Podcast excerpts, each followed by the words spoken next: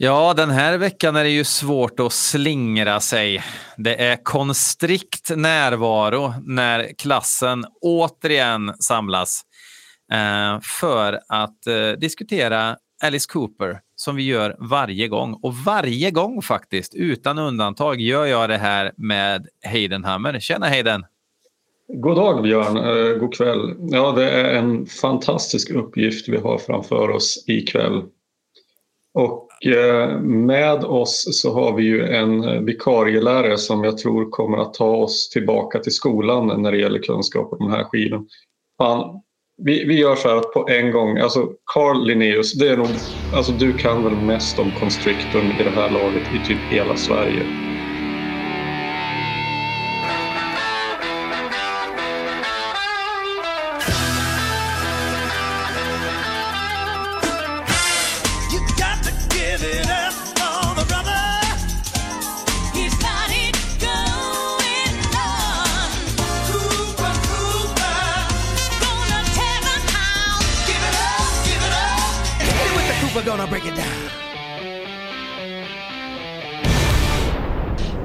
Oklart, men eh, kul att få vara med ändå.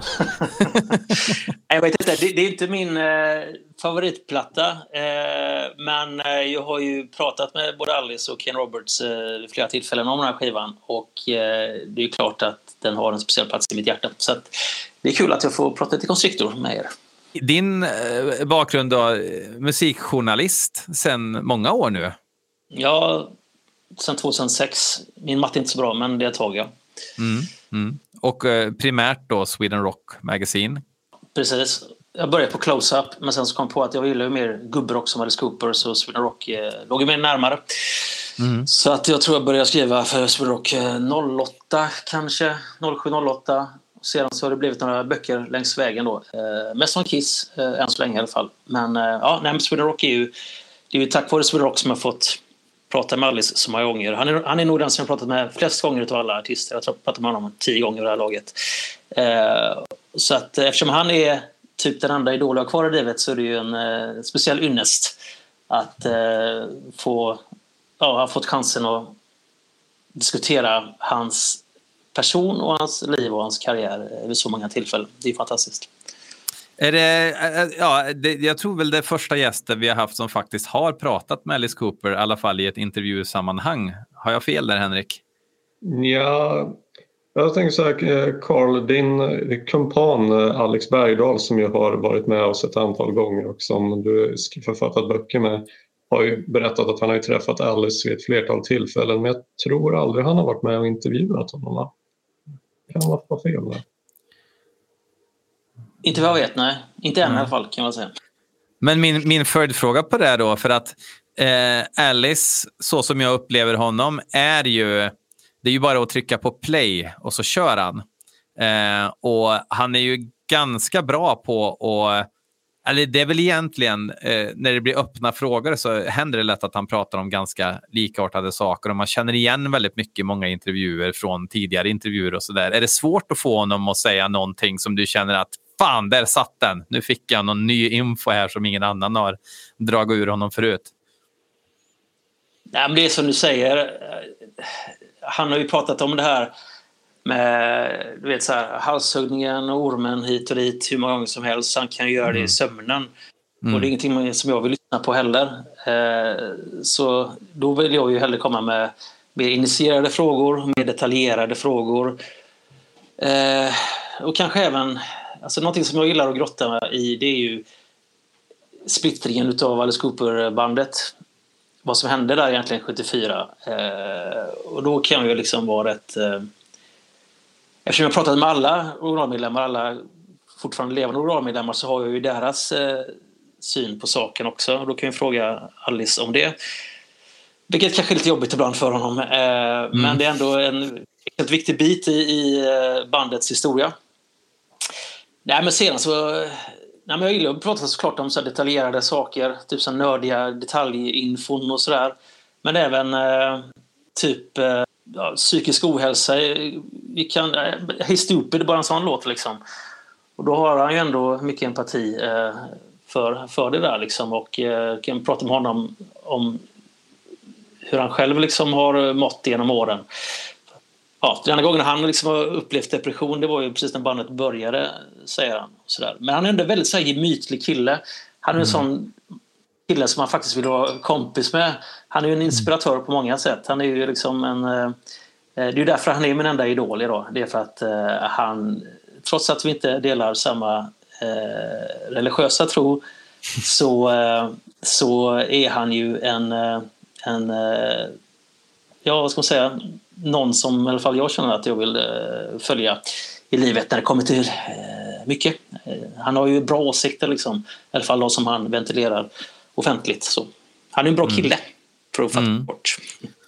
Och sen är vi ganska försiktiga med att vara för, just när det kommer till politik och sådär. Uh, han, mm, han, tanger, han tangerar väl lite i 90-talet där en, en sväng, någonting som kanske kan liknas vid politik. Jag ska, ska inte gå händelserna i förväg som vi brukar säga i den här podden. Men, um, men han har ju hållit mycket av det uh, för sig själv. Men li lite mm. om, om, om tillgång till vapen i USA och så där var han lite inne på. där. Så vitt jag vet har han inte gjort det varken före eller efter. Nej, men just, det är därför jag gillar hans eh, religiösa låtar mest faktiskt. För att de är ju mest äkta. Mm. För när han sjunger My God eller I am made of you så, så eh, lägger han verkligen tyngd bakom orden han sjunger. Och eh, på så sätt eh, så blir de låtarna mest genuina i mina öron i alla fall. Så det, det uppskattar jag i alla fall med honom som mm. artist. Vi ska alltså prata om skivan, eh, comeback-skivan från 1986, Constrictor. Förra avsnittet pratade vi om Dada-skivan och den slutar ju med Pass the Gun Around och den slutar ju väldigt mörkt för Alice själv också. Eh, han spenderar väl tre år till att bli fri från sina laster. Börjar golfa i stor utsträckning, gissar jag, vid den här eh, perioden. Och eh, kommer tillbaka 1986 med Constrictor. Eh, hur skulle du säga tiden innan man börjar skriva den här skivan? Eller kanske ja, begynnelsen av den här skivan. Hur skulle du beskriva den tiden? Ja, men han försvann ju från eh, rampljuset eh, under tre år som sagt, men det var inte helt eh, självvalt. Jag frågade honom en gång varför det tog så lång tid och han sa att det tar väldigt lång tid innan man landar på fötter efter att ha varit så väck då på crack och alkohol som han var. Eh, men eh, det kanske inte är jättekänt att han gjorde faktiskt en hel del försök. Han satt och skrev eh, med Joe Perry från Aerosmith som också gjorde solokarriär i ett, eh, i ett eh, hus där det spökade i norra New York tror jag det var. Så de fick ju ingenting gjort. Och sedan så försökte han ju även eh, skriva med Andy McCoy från eh, Hanover Rocks eftersom de hade den här Bob Esrin-connectionen där. Men eh, jag frågade varför blev det ingenting med Andy McCoy? Och så gjorde ju Alice bara sån här, du vet, herointecken mot armen så. Att, eh, Andy var ju mm. väck under den här perioden så gick inte att göra något samarbete. Men han gjorde ju de här Monster Dog-låtarna, eh, See Me in the Mirror och eh, eh Identity Crisis, som är rätt eh, grovhuggna men ändå spöklika och sköna låtar.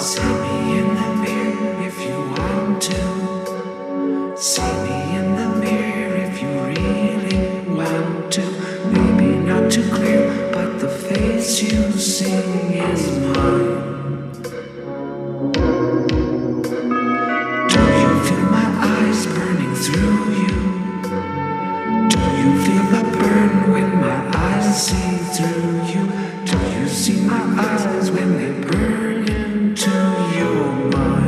Jag tänkte bara flika in, jag tycker ju de låtarna är, är helsköna. Jag har tyvärr inte sett filmen Monster Dog själv som de medverkade i, men den kanske är ett mästerverk, vad vet jag?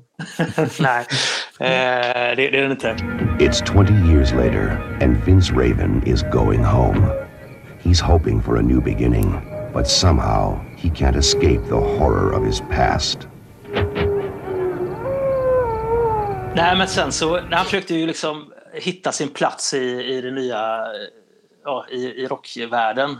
Och det var ju eh, då när han såg alla de här eh, hårbanden som eh, sparkade liv i eh, det här med smink och skräck och sådär så man kände att eh, det är nog dags för mig att återvända till den imagen. Och då fick jag fatt på Ken Roberts. Och det första han gjorde var ju att skriva musik till en film som skulle heta The Magnificent någonting. Det skulle vara någon sorts pastisch på Magnificent Seven med en massa hårdrocksband. Så de skrev Step On You som sen hamnade på Razor Fist först. Eh, som skulle liksom vara soundtracket till det här monstret i filmen. Men den här filmen blev ingenting av. Så eh, ja, de gjorde en del filmmusik. Det är ju två låtar på Constrictor som är gjorda för filmen. Som vi kanske kommer till sen. Men, eh, nej, men det var ju tack vare den här konkurrensen då och tack vare att han hittade Ken Roberts som Constrictor blev av. Mm. Det, han hoppade in med Twisted Sister där också på Be Cruel to Your School från Come Out and Play-skivan. Eh, um, mm. Det var väl egentligen det enda som jag då, eh, utan att grävt, alltså som jag bara visste på rak arm att han hade gjort. För den skivan var ju ändå ganska stor, får man ju säga, när den kom. Det är snarare ut att se och säga att det var han som lyfte tillbaka Alice i rampljuset. Jag är väldigt stolt över det. Uh, han hade väl en poäng där, men de, de uh, gillar att uh, prata om sig själv. Så, ja. Jag tänkte mest bara säga att man kanske också ska Säga, nu när man själv blir äldre och så, jag menar Alice var ju vid det här taget, vid det här laget över 35. Han är född 48 så när han ja, 83 så är han ju då 35. Jag menar, man, man märker hur fort åren går nu för tiden. Jag menar, tre år idag i den här åldern, det är ju liksom ingenting. Jag menar, jag känns, när jag tänker på grejer som hände för tio år sedan så känns de som att de inte verkligen var igår. Och jag tänker att nu är det ju inte speciellt så ovanligt att uh, artister och stora band tar betydligt längre tid på sig att knåpa ihop nytt material och så. Nej, och jag menar att han, han, han eh, var, eh, har ju alltså genomgått en jävla resa på de här tre åren. Jag tänker också det. Jag såg nå, eh, någon, eh, något eh, nyhetsklipp från 86 just gällande Constrictor. Det var någon livespelning i England. Um, och då säger den här eh, programledaren att uh, Alice Cooper is 38 years old, by, but he's by no means too old to rock. Ja, det är liksom en rolig kontext om man tänker idag. Det, ingen är ju för gammal. Eh, många är för gamla att rocka, men ingen verkar ju ta hänsyn till det utan kör på ändå. Liksom. Och han klockar in på 74 år nu. Alltså med tanke på vad han har upplevt och vad han har gjort när han är 38 år gammal. Eh, he hela liksom 70-talet och ja, slutet av 60-talet fram tills det här året. Det är ju helt otroligt egentligen. Han var extremt produktiv eh, under, under de här åren. Eh, mm. Och då har han ju sagt att det beror ju på att han mår inte bra om han inte får ha någonting att pyssla med hela tiden. Det är därför, han, han kan liksom inte sitta still och bara eh, rulla tummarna. Så. Och det ska vi vara glada för. För att allting han gjorde fram till, eh, ja, under väldigt lång tid var ju fantastiskt. Mm. Ja, Absolut. Det är, det är ju, när, när vi började med den här poddserien så trodde jag väl faktiskt någonstans att någon gång eh, under resans gång så kommer vi väl att råka på någonting som vi båda tycker är ganska kackigt. Alltså något album som får sägas vara en, alltså ett magplask. Men än så länge så har ju det faktiskt inte skett. Alltså, eh, inte ens med de här förbisedda och märkligare albumen från den förra eran som vi gick igenom från eh, Blackout, utan Blackout-perioden. Utan eh, alla som har medverkat tycker faktiskt att de är bra på, på sin på sitt eget märkliga sätt. Och att de fyller en funktion i liksom berättelsen om, om, om eh, Alice Cooper som person och eh, den kontext för allt som händer runt omkring honom också någonstans. Eh, men som sagt, inget magplask. Vi har ju hittat, alltså det finns ju svagare skivor, men inte ens de är ju dåliga liksom. Och det är fan i mig rätt outstanding. Men här nu då, Constrictor. Um, de eh, testar väl några olika, eller det är väl några olika personer som de tänker på som ska kunna skriva tillsammans med Alice Cooper, men eh, hittar den här Kane Roberts då som ju inte är intresserad av att fästa vad det verkar, och, vilket verkar vara ett viktigt kriterium för eh, ja, Käpp och även Bob Esrin är väl inblandad i den här processen tror jag. Har jag fel där? Nej, han, var, han eh, har ju alltid varit involverad. Eh, ja. Han har alltid funnits i skuggorna. Så han var ju med och... Eh, eh, hittade Kane. De hittade honom eh, när Kane spelade med sitt band vad heter de, Criminal Justice, Criminal Justice. på någon klubb någonstans. Jag tror att Bob och Shep och Alice, eller några av dem i alla fall, var där. Och eh, samma kväll så ju Kane i slagsmål med någon i publiken och sådär. Men de tyckte ändå att eh, han var outstanding på scen. Han såg inte ut som något annat och uh, han hade ju de här, han hade ju the chops så att säga. Uh, Interesting looking guy. He's described as like a rock and roll Rambo. That's quite a good way of putting it, isn't it? Really, yeah, he's a lot bigger than Rambo though. Is he? Oh, yeah, yeah, yeah. And the, the great thing about Kane is he's, the, the way he looks. I don't know that much about him, which is really interesting. Uh, is the guy plays better than he looks. And he, he looks unbelievable. So, I mean, you can imagine what this guy is like. Eh, så han fick göra en massa eh, möten då, eller gå igenom massa möten med först, först Bob och sen Shep tror jag, innan han fick träffa Alice. Liksom. Han, mm. han var tvungen att bli godkänd av Bob Bestrid. Jag blir ju väldigt nyfiken på vem som ger sig in på ett slagsmål med Kane Roberts. och hur gick det? Någon som har fått eh, lite för många öl innanför västen. Nej, det var inte så att han gav sig in i slagsmål med Kane utan det var nog att han började liksom putta på något fan längst fram och så tyckte Kane det där är inte okej, okay, så gick han emellan. Något sånt tror jag det var. Sen är det ju det där med gitarrist är ju alltid en smaksak och här, här finns det ju lite olika tankar. Eh, för att här eh, metallifierar ju han ju Alice Cooper på ett sätt med sin eh, älskade svajarm och sådär på gitarren. Ja, anledningen till att Kane eh, anställdes det var ju för att de skulle ta Alice in i den nya generationen så att säga. Och eh, ja, det var ju därför han fick göra de här Roses on White Lace eh, tapping-kaskaderna eh, och sådär. Som han gjorde med bravur också. Så att eh, det fanns ju en tanke bakom det såklart. Sen då så eh, skriver de tillsammans. Eh, Kane säger att skriva med Alice Cooper är hårt jobb. Han jämför med att skriva med Paul Stanley också, att det är eh, korta pauser och man jobbar stenhårt. Eh, skriva med andra kan vara att man eh, ja, latchar lite, ha, har en vag idé och sen går man och dricker öl. Så där. Men det här var hårt arbete. Vad, vad händer sen då? De, de, de skriver den här skivan, de skriver de här låtarna. Sen kontaktar de någon producent gissar jag. Eh, Bo Hill kom in i bilden där han var ju eftertraktad efter att ha gjort eh, Rat, bland annat. Mm. Och, eh, men det var någonting där med... Eh, det, det blev ont om tid, så att de kunde inte få till en riktig trummis på plattan. Och det, det är väl därför den här skivan är så daterad idag, får man ju säga. Mm. För att det är ju mestadels trummaskin på den. Eh, jag har ju skrivit en stor omslagsartikel om Constrictor till Sweden Rock som kommer 25 eh, oktober. Och där berättar ju Kane att de faktiskt eh, pratade med Anton Figg för att spela på den här plattan. Och det visste inte jag innan, för jag älskar Anton Figg. Vad han gjorde med Kiss och eh, Ace Frehley. Så Kane hade ju koll på, på Anton. Alice hade aldrig hört talas om Anton. Men de här, om Anton Figg hade spelat på den här plattan så hade den ju varit 10 poängare bara det, känner jag. Mm. Men eh, det sket sig på grund av att eh, Bo var han var redan uppbokad till något annat projekt, om det var Chaka Khan eller vad det var, så de var tvungna att få klart plattan och därför så blev det till stor del trummaskin. Det är ju någon trummis, David Rosenberg tror jag, som spelar på vissa låtar. Och Bo Hill gjorde väl, eh, jag vet inte vad han gjorde egentligen. Eh, det höll ju inte det samarbetet eftersom Michael Wagner som, fixare, som mixare i Constrictor tog över producentrollen på Razor Fist and Jelsen för att de funkar bättre ihop eh, enligt Kane då eh, än vad Alice och Bohild eh, fungerade. Eh, jag måste flika in med en fråga här.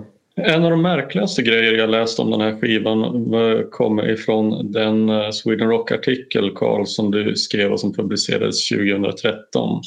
Och något jag inte hade någon aning om innan dess var att originalmedlemmarna från Alice Cooper-bandet Dennis Dunaway och Neil Smith ska alltså ha varit inblandade i skapandet av Constrictor och var med alltså och gjorde rytmsektionen.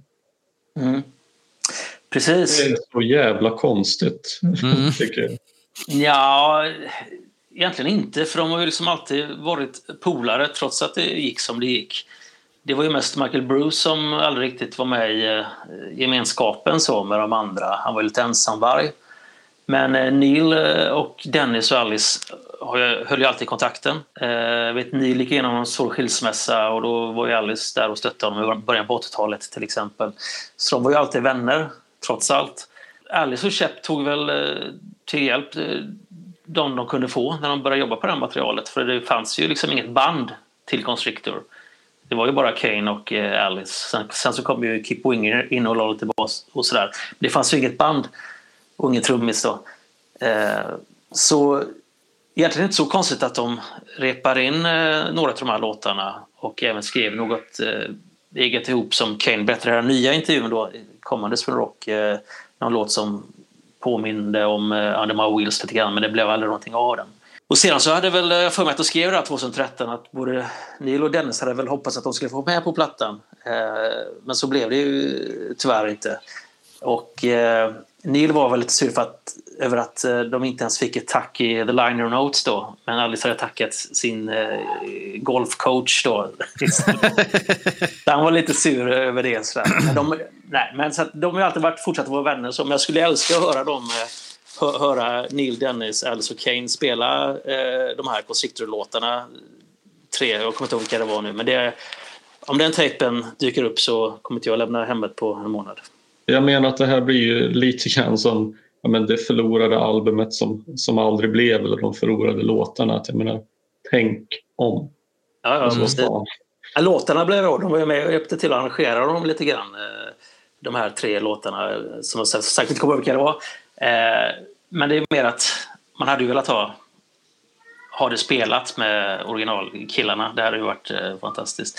Men det var ju som sagt var en tillbakagång till till eh, Alices rötter. Eh, jag menar, på sätt och vis har Constrictor mer att göra med, med eh, Alice Cooper-bandets plattor än vad det har med Dada att göra. Eh, i alla, fall, I alla fall låtmässigt och kanske textmässigt också. Men jag, jag hörde någon intervju med, med, med Kane eh, där han menar att producenten då hade propsat på att ha de här lite mer syntiga trummorna eh, programmerade trummor just för att det skulle vara, det skulle vara punchy drums. Liksom. Det var det viktigaste. Men, men eh, det var tidsbrist alltså som kanske var... Ja, det var nog både och. Det var nog, ja.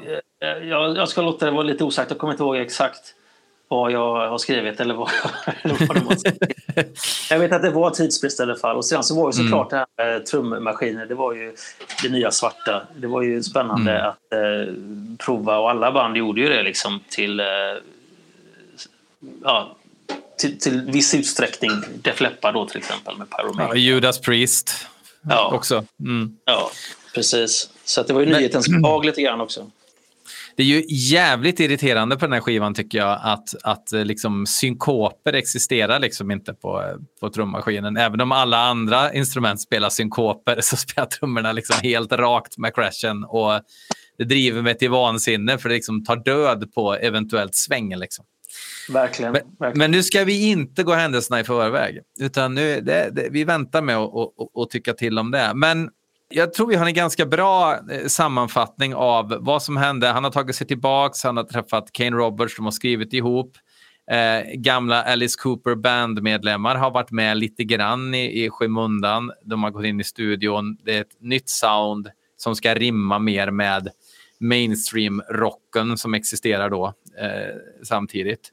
När och hur kom ni i kontakt med den här skivan första gången? Ja, eh, först och främst kan jag säga att den här skivan behöver jag egentligen aldrig lyssna på längre. Inte för att jag tycker illa om den tvärtom utan för att jag kan den helt utan till.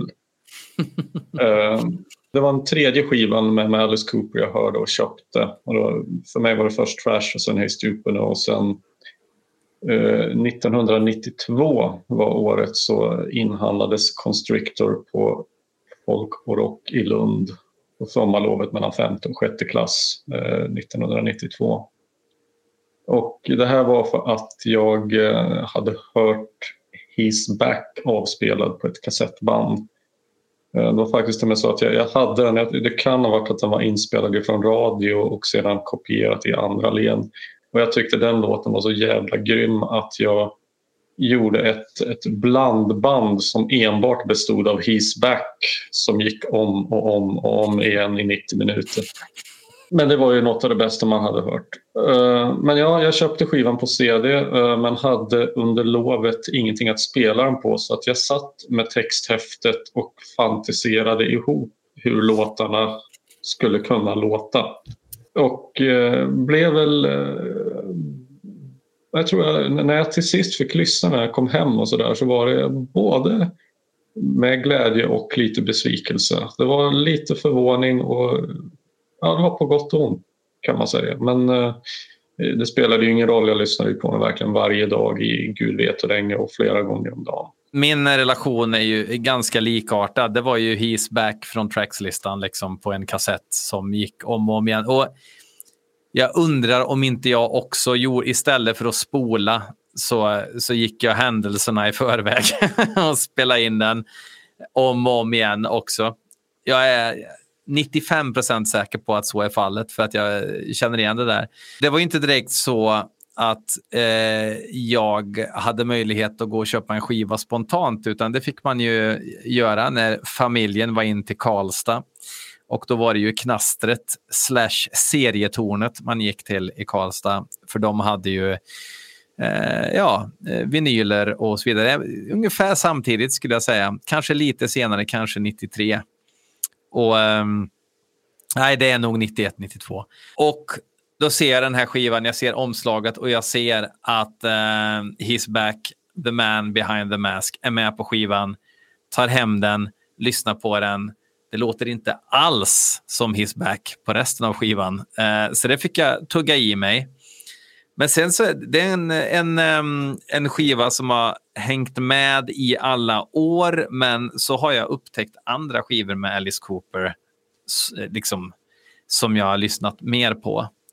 Och för mig på något vis så representerar väl den här skivan ganska mycket av den bild som väldigt många som inte har någon koll på Alice Cooper tänker att Alice Cooper är rakt igenom. Men ja, det, det, det är um, sen barndom, tidig ungdom liksom, som, som jag förknippar med den här skivan. Ett mandomsprov alltså. Ja, precis. precis. För mig var det, jag upptäckte ju, jag föll 77, så jag upptäckte hårdrocken 84-85 då, när den eh, var som störst i OK. Så när eh, Micke Johansson, då, fotografen som jag senare jobbade tillsammans med på Rock, gjorde det här knäcket i OK från, eh, tillsammans med Anders Tegne då, från eh, Psycho-huset, Universal Studios 86. Där Alice springer runt med en sån machete och ser helt så här galen ut. Jag var ju livrädd. Jag var 8-9 år och trodde att eh, han var ute efter mig. Så jag kommer ihåg jag var uppe liksom på natten där i huset där vi bodde och skulle gå på toaletten. Och jag vågade, jag vågade inte gå ut i hallen efteråt för jag såg där i inre syn att Alice skulle komma där med macheten och upp för trappan. Idag hade jag varit glad om han eh, kom in i mitt hus och eh, oavsett om han hade machete eller inte. Men då var jag ju livrädd för dem. Så såg jag den här Nightmare Return sen på Super Channel, för jag hade ju inte MTV. De visade hela den konsertfilmen. Jag var ju livrädd för den också, kommer jag ihåg. När de körde Eh, när han satte ihop det Frankensteins monster till den här rätt läskiga musiken då, så byggde ju Alice ihop ett sånt här monster som man sedan slog i tu. Jag tyckte det var läskigt på riktigt alltså. Och sedan så, jag fick aldrig se några så här eh, våldsamma filmer för min mamma då som var så här överbeskyddande. Så jag fick aldrig se några så här, jag fick inte se, jag fick inte se James Bond när jag var liten. Så att jag tog igen allt det där sen när jag började gymnasiet. Så plöjde jag ju alla fredag den 13 filmer till exempel. Och eh, så kom jag ihåg det här His Back är ju då med i eh, sexan. Och så tyckte jag, men den är ju cool liksom. Och då var det så lite, nästan lite kitsch sådär, den låten. Och det är mm. väl fortfarande på sätt och vis. Men så mm. hittade jag den på Satisfactions eh, skivbörs här i Göteborg. Den singeln då, begagnad. Alltså, köpte den då för the kitsch value och tyckte det var en rätt mysig låt. Så här. Den är ju rätt god. Så här. Men så vände jag på den och så låg den här Faker B, äh, Faker live-spåret utav Billion Dollar Babies på baksidan. Och då föll ju poletten ner. Så det var ju min introduktion till Alice Cooper. Det var ju faktiskt His Back. På en väldigt lång sidospår så hittade jag tillbaks till, eh, eller hittade jag Alice tack vare att jag hittade tillbaks till eh, His Back och den Constrictor-eran. Sådär, liksom. Mm. Ja. Jag tror vi kommer ju återkomma till Hisback i, i slutet av det här avsnittet. förmodligen under också. Ja, vi kommer nog faktiskt eh, återkomma till His Back innan His Back till och med tror jag. Eh, får se om ni förstår vad jag menar. Eh, ja, men ska vi helt enkelt ge oss in på den här, det här Mm. smörgåsbordet här nu då? Tycker jag. Karl, jag måste bara fråga dig. Har du berättat här för Alice Cooper att du var livrädd för honom och trodde han skulle dyka upp hemma hos dig? Eh, faktiskt inte, jag tror inte det. Eh, men det får jag nog göra nästa tillfälle. Bra att du påminner mig. Teenage Frankenstein.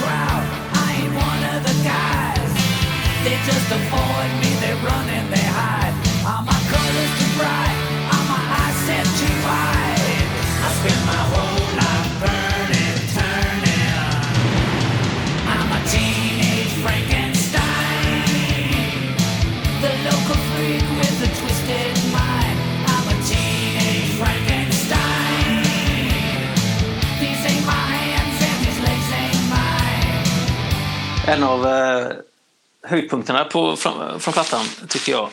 För det är ju det här som... Alltså, Alice var ju känd för just de här Teenage Anthems då, med Schools Out och I'm 18. Och då tänkte han, då får jag väl göra en ny Teenage Anthem. Och då slår han ihop då själva den här känslan av att vara en förvirrad, för, förvillad, eller förvirrad tonåring med hela sitt skräcktema med Frankensteins monster och sådär. Så att det är ju rätt smart sätt att eh, kickstarta Alices, Alices comeback på. Det är ju just genom en låt som Teenage eh, Frankenstein. Och jag tycker att den är en bra låt, men återigen så är det den här jävla trummaskinen som förstör svänget. Men jag, jag gillar fortfarande låten, tycker den är, tycker den är grym. Jag tycker det är rätt kul att den skulle... Jag tror inte att det var Adlis intention själv eller att han hade den men alltså den funkar ju ganska bra som en medelålderskrislåt också. Att vara 38 år och vilja vara tonåring och kanske känna sig lite förvirrad i den nya hårdrocksvärlden som man ändå har varit med och skapat men som ska vara down with the kids. Men jag tror det är en metatanke från mitt håll som inte alls fanns där så jag låter det bero. Själv blev jag rätt först, alltså jag, blev, jag, så här, jag blev ganska paff när jag först hörde den här låten för jag hade ju inbillat mig någonting helt annat efter att ha suttit där med texthäftet och trodde att det skulle, här skulle vara en upptempo rocklåt lite grann som I'm your gun från Trash. Så att jag blev skitförvånad när den visade sig gå ganska långsamt och var lite halvsläpig. Sådär. Mm. Ändå så tycker jag det är en bra låt. Det är en kul sak och den gör sig bra live och allting. Inget mästerverk kanske men nog, men nog är det väl en bra låt det tycker jag. Kul också lite grann att det är, det är, en kom, det är ju den första, nu är det ju inte riktigt det, men det är den första albumöppnaren liksom i den här comebacken. Och just det där att väldigt många när de gör en comeback, nu är det bara tre år i och för sig, men åren går ju och han närmar sig 40. Men att han ändå liksom använder sig av en Teenage Anthem är ju speciellt. De flesta kanske snarare börjar navelskåda vart är jag nu i livet och hittar sin inspiration där. Men eh, ja, det är ju det, det är helt fantastiskt att Kane orkar spela med det här gitarrljudet också. Jag, jag känner att det måste sägas. Alltså, som gitarrist själv känner jag att plugga in i en stärkare som låter så här futtigt. Liksom. Alla gitarrer låter så futtigt, men jag fattar inte hur han ändå kan spela så jäkla bra med det här Det lät nog bra, gitarrtonen. i- lät nog bra i studion och sedan Ja. så antingen mixen. För hela plattan har ju en jävligt kass eh, ljudbild. Eh, inte bara gitarren, utan Nej, det nej. låter ju där långt bort eh, ja, konstigt. Ja, det, det är fascinerande. Liksom. Det är så shred, han shred spelar solon med en dist som knappt tar. Liksom. Det, är, det är ingen lek, kan jag säga. Nej, det Är det inte? Eh, ja, men jag håller, jag håller med. Den är, den är lite klämmig liksom. Är väl klämmig, släpig rocklåt liksom. Men jag måste också fråga, alltså för mig, det, det enda jag egentligen känner till av, av Bo Hill är ju att han rattade Europes Prisoners in Paradise. Och, eh, jag har ju en soft spot för Europe men alltså den skivan låter ju inte jävligt bra, det kan jag inte påstå. Men eh, är det någon av er, alltså har ni hört hans tidigare ljudbilder med Rat och det som han var känd för innan han fick sätta tänderna i Constrictor? Vi- Vilka Rat-skivor är det han har producerat? Men det är det väl ingen som vet. Jag har faktiskt aldrig uppskattat Rat riktigt, men jag tror han gjorde, nu får någon rätta mig, men jag tror han gjorde de två första, eh, Invasion of your privacy och Rats, eh, vad heter den? Out of the cellar heter den väl.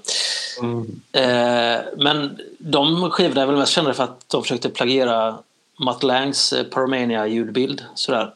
Ja. Så att, eh, nej, men jag har aldrig förstått hans storhet som producent eh, heller. Så att, eh, ja. Jag, jag Fast om, om, om, du, om du drar på Out of the Cellar med Rat så låter det ju betydligt piggare än det här rent ljudbildsmässigt Mm. ändå. Ja, det är jävla, men det är nog också det att den blir så här framstressad både när det kommer till trummorna och eh, hela produktionen. För den, den här skivan låter ju inte bra, alltså. det kan ju ingen säga. Nej. Eh, Men Det, det är ju så många märkliga ska jag säga, ljudbildsdetaljer på skivan att om man lyssnar på trummorna eller vad man nu ska kalla dem till exempel så är det som att du har en, en virvel och en hi-hat och en baskagge som ligger okej, någorlunda sådär rimligt i mixen. Men innan man vet ordet av så är det några extra datapuker som smäller till som kanoner och de markerar ju ingenting heller så att det är som är helt bara tillagda som en bisarr Photoshop-ljudeffekt Mm. och Mm. eh, tjänar mig veterligen ingenting till. Men de är ju där av någon anledning.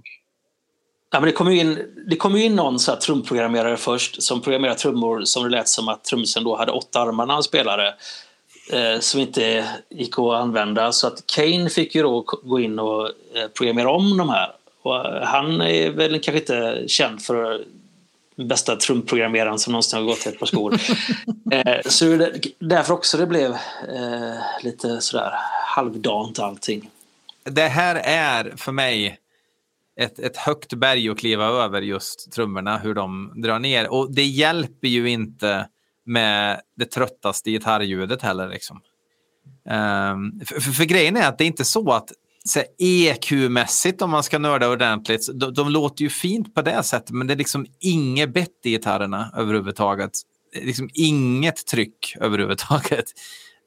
Um, det låter som, som, som eh, man ska köpa den billigaste, idag den billigaste, absolut sämsta eh, skit, eh, kinesisk kopia av en pedal liksom, med, med stärkar-emulator rakt in i datorn. Liksom. Och, Och, och, eh, basgitarr hör man ju inte ens att det Nej. finns en bas på. Nej, det gör man inte. Men eh, ja, då, då, är det skönt att vi har fått- fått det sagt. Ja. Give it up!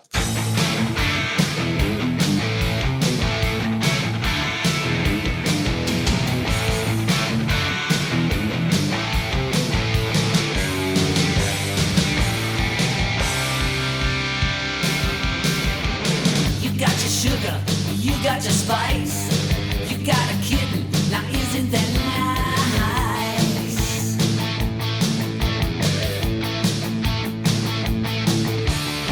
You just can't wait for a picnic in spring. I just get nauseous when I think of those things.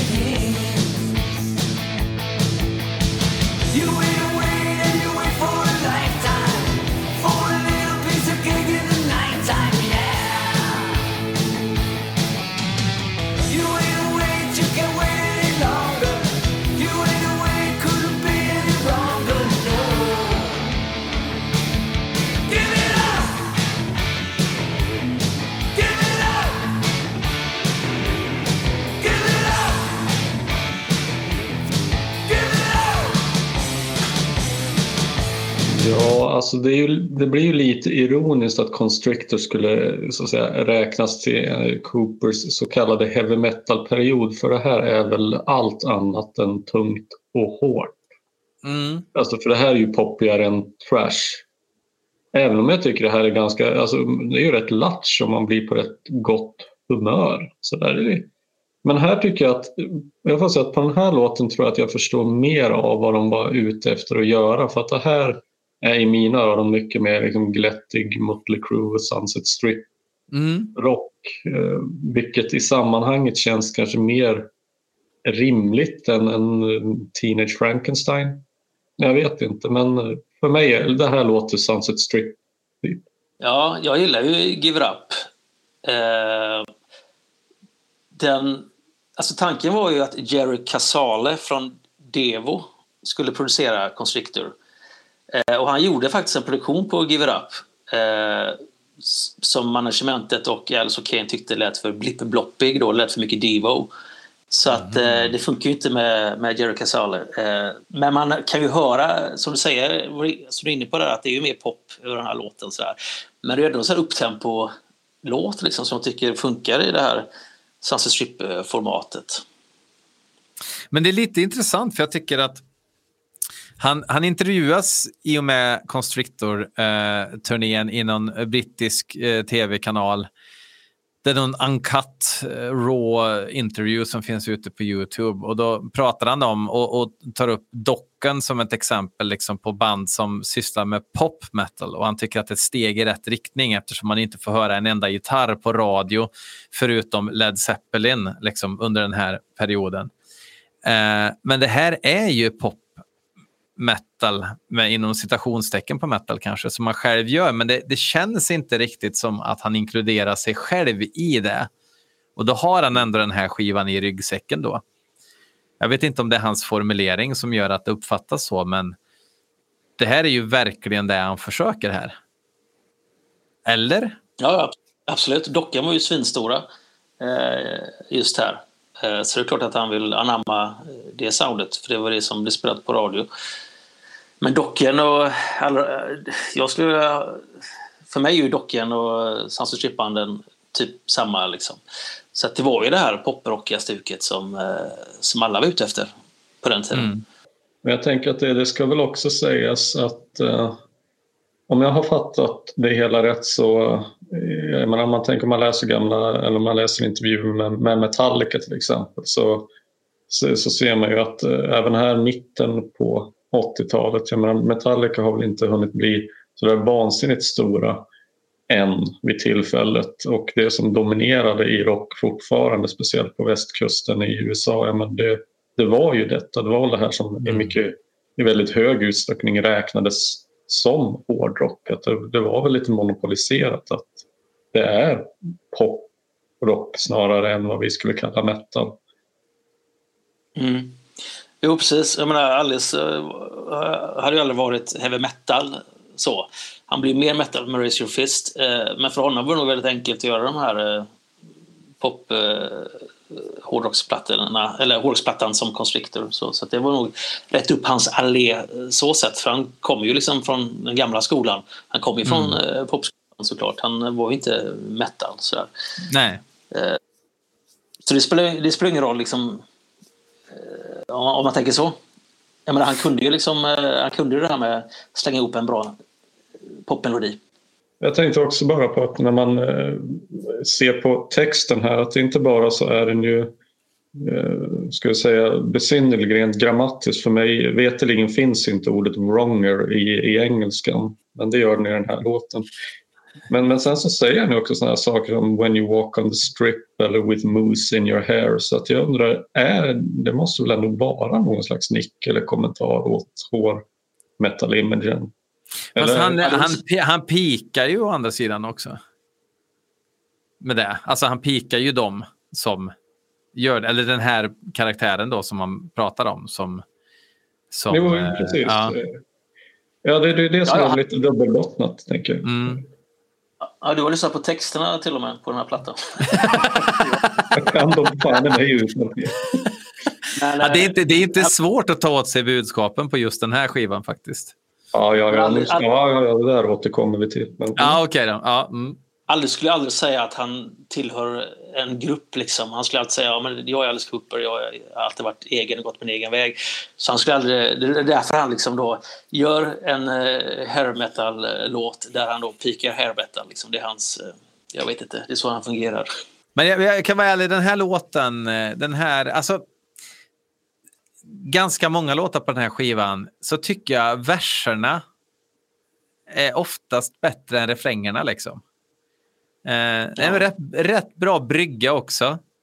Anyway for a lifetime. Alltså, det händer lite grejer. Och sen så kommer refrängen, då har vi riffet och så ropar man ut vad låten heter.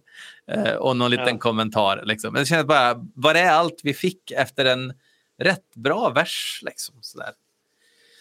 Men, men det är ju också eh, eh, kanske liksom ett eh, basillen från eh, eran också. Jag menar, det är ju ganska många band som kan vara skyldiga till det sättet att skriva på under den här tiden. Alltså Judas Priest har väl gjort sig en hel karriär på just det där upplägget. Bra Jo. verser, världens bästa brygger och så ett jävligt antiklimax i refrängerna. Exakt. Exakt. Och eh, ja, det, det är samma sak här. Tycker jag. Så jag tycker, ja, den här låten, för mig, den håller ju inte riktigt, den här låten, hela vägen ut. Mm, dålig stämning spreds just nu. Nej, helt rätt. Eh, det sägs att musiksmak är subjektivt eh, så jag låter det gå för den här gången då. Ja, nu, nu, nu ska vi äntligen prata om den. den. Den har refererats till otaliga gånger under den här serien. Thrill My Gorilla.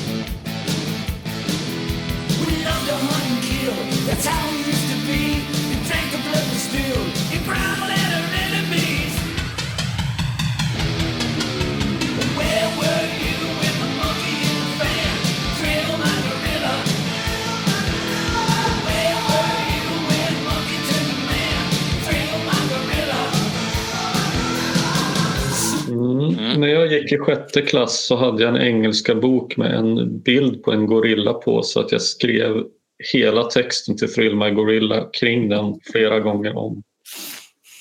Och citerade den flitigt. Och så här, efter 30 år så hade det alltså inte slagit mig alltså förrän nu. Alltså pappa ordvitsen med A time when we danced to volcanic rock. Det hade gått mig helt förbi i 30 år fram tills alldeles nyss. The time when we...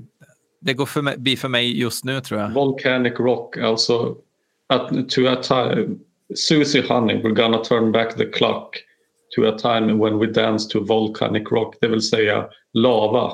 Volcanic rock. Ja, alltså. ja men jaha, ja, ja, ja, ja, ja, ja, ja. ja, ja men den... Föll ner på lätten, okej. Okay. Ja. alltså det är är ju inte för smart. Det är bästa bland Alice när han skriver texter. Men... Alltså, vi kan ju kanske, på tal om, om stora djur, och, alltså, kan vi prata om elefanten i rummet. Alltså, det är ju inte Dada-klass på de här texterna. Direkt. Alltså, vad, vad, hur gick det här till? För att jag menar, Alice har alltid kunnat skriva texter. Och även när han var som mest neddekad i crack och alkoholträsket så kunde han ju få ihop rader som andra artister bara kan drömma om att göra. Men här blir det Thrill My Gorilla. Ja, men då återupprepar jag mig från Dada-avsnittet. Att eh, vad hade han annat att pyssla med då? Inte så mycket. Här, det ska golfas. Han ska vara på något AA-möte 8.25 till 9.15. Och det är, eh, han är ju en helt annan person här. Och nu är jag nykter, nu är jag stark, nu kan jag allt. Världen är mitt ostron. Ja, jag slänger ihop den här texten nu. Alltså jag, jag tänker att det blir, eh, man får ett annat fokus för att man upptäcker att det finns något annat än att skriva texter. Ehm, när man är Men samtidigt så är det, men alltså, den, musiken på den här plattan är ju rätt alltså, dum så att säga. Och därför Mm. blir texterna därefter också. Liksom, det passar ju. Det ska vara lite fånigt, det ska vara mycket glimten i ögat. Det ska inte vara så allvarligt, det ska vara väldigt lättsamt och kul. Liksom. Om man då har eh, låt som... Eh, om man då har musik som Pass the gun around och eh, har någon sån, en mörk själ som Bob Estrin och eh, en gitarrist som Dick Wagner så klart att man skriver ju texter därefter också. Så att jag tror att eh, det, det hör ihop också. Och Kane Roberts kanske inte drar fram det mest eh, smala, han är ju, han är kreativa ur mest, den. mest, nej. nej, men han är ju extremt lättsam och väldigt hyper. Eh, och har, har exakt samma fåniga humor som Alice. Liksom. Mm. Så det är ju därför det blev så också. De, de skriver de här låtarna, de började skriva dem i, uh, i Cheps hus i Beverly Hills som Alice hade haft innan. Och sedan så fortsätter de att skriva låtar eh, i Cheps hus i Maui i Hawaii. Eh, och det är inte så mörkt där liksom.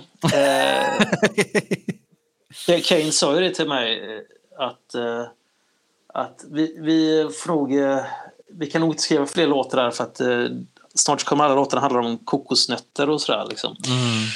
Så det, det, var, det var inte så mörkt där i Hawaii. Liksom. De satt ju mest och latchade och hade kul. Men ett litet sidospår. Kane Roberts är ju tillbaks eh, i Alice Cooper-follan eh, här nu och spelar live. Eh, Nita Strauss pratar ju om att eh, ja, men, eh, jag har bara tagit tjänstledigt. Jag har rätt, enligt arbetsgivaren, jag har rätt till sex månader tjänstledigt. Nej, så har hon inte sagt exakt. Men, men, men, och så här, ja, men jag kanske kommer tillbaka och sådär. Eh, fyra gitarrister, det, det kan ju kvitta. Men det var inte ens det som var sidospåret, utan det är att han pratar om att han håller på och skriver med Alice nu. Ja, det är ju kul. Ja, ja och intressant. Ja. För då blir det ju inte en Detroit Stories till i alla fall. Det är, så mycket kan man ju förstå. Utan det blir väl svajarm och... blir det Constrictor 2. Welcome to, cons come to Constrictor eller något. Då. Ja, Det blir nog mer, det blir nog mer Raise Your Fist 2, skulle jag tro i så fall. raise your Men, fist eh, again. Nej. Ja. raise, raise your second fist, raise both your fists. Nej, men det är så. Ja. Ja. Alice Cooper kommer känslighet. Steve Hunter kommer tillbaka efter 25 år. Så, att eh, alla kommer och går. Det är en sån eh, revolving door policy på gott och ont. Det är alltså, han kunde fått en guldklocka på Stora Enso under tiden han inte var med och sen kommer tillbaka. Liksom. Det är ett perspektiv. Ehm, ha, men, vi har egentligen inte sagt så mycket om själva låten Thrill My Gorilla. Den är väl strået vassare tycker jag än Give It Up rent musikaliskt. Och det är ba bara på grund av någon, någon, liten, någon liten sångdetalj som jag tycker det. Som jag inte direkt kan eh, sätta ord på just nu. Ehm, det är samma sorts jag låt, tycker- liksom, tycker jag. Eh, ja, fast den har liksom inte melodierna så här som Give It Up har. Eh, jag tycker att Thrill My Gorilla är kanske en av de svagare spåren på plattan. Jag undrar väl mest varför den inte är med i någon... Alltså det, det är mycket... En sak som har slagit mig när jag läst eh, på lite grann innan, den här, innan Constrictor är att det är mycket som har med film att göra som rör sig. Alltså, som jag sagt, det är ju He's Back med Jason Lives och det är ytterligare en låt på plattan som var tänkt på en film. Uh, Be Cruel to Your School uh, hörde jag faktiskt för första gången i en otroligt obskyr komedi som heter Combat Academy. Eh, det är introlåten i filmen och den är väl egentligen bara känd för att det är George Clooneys första filmroll.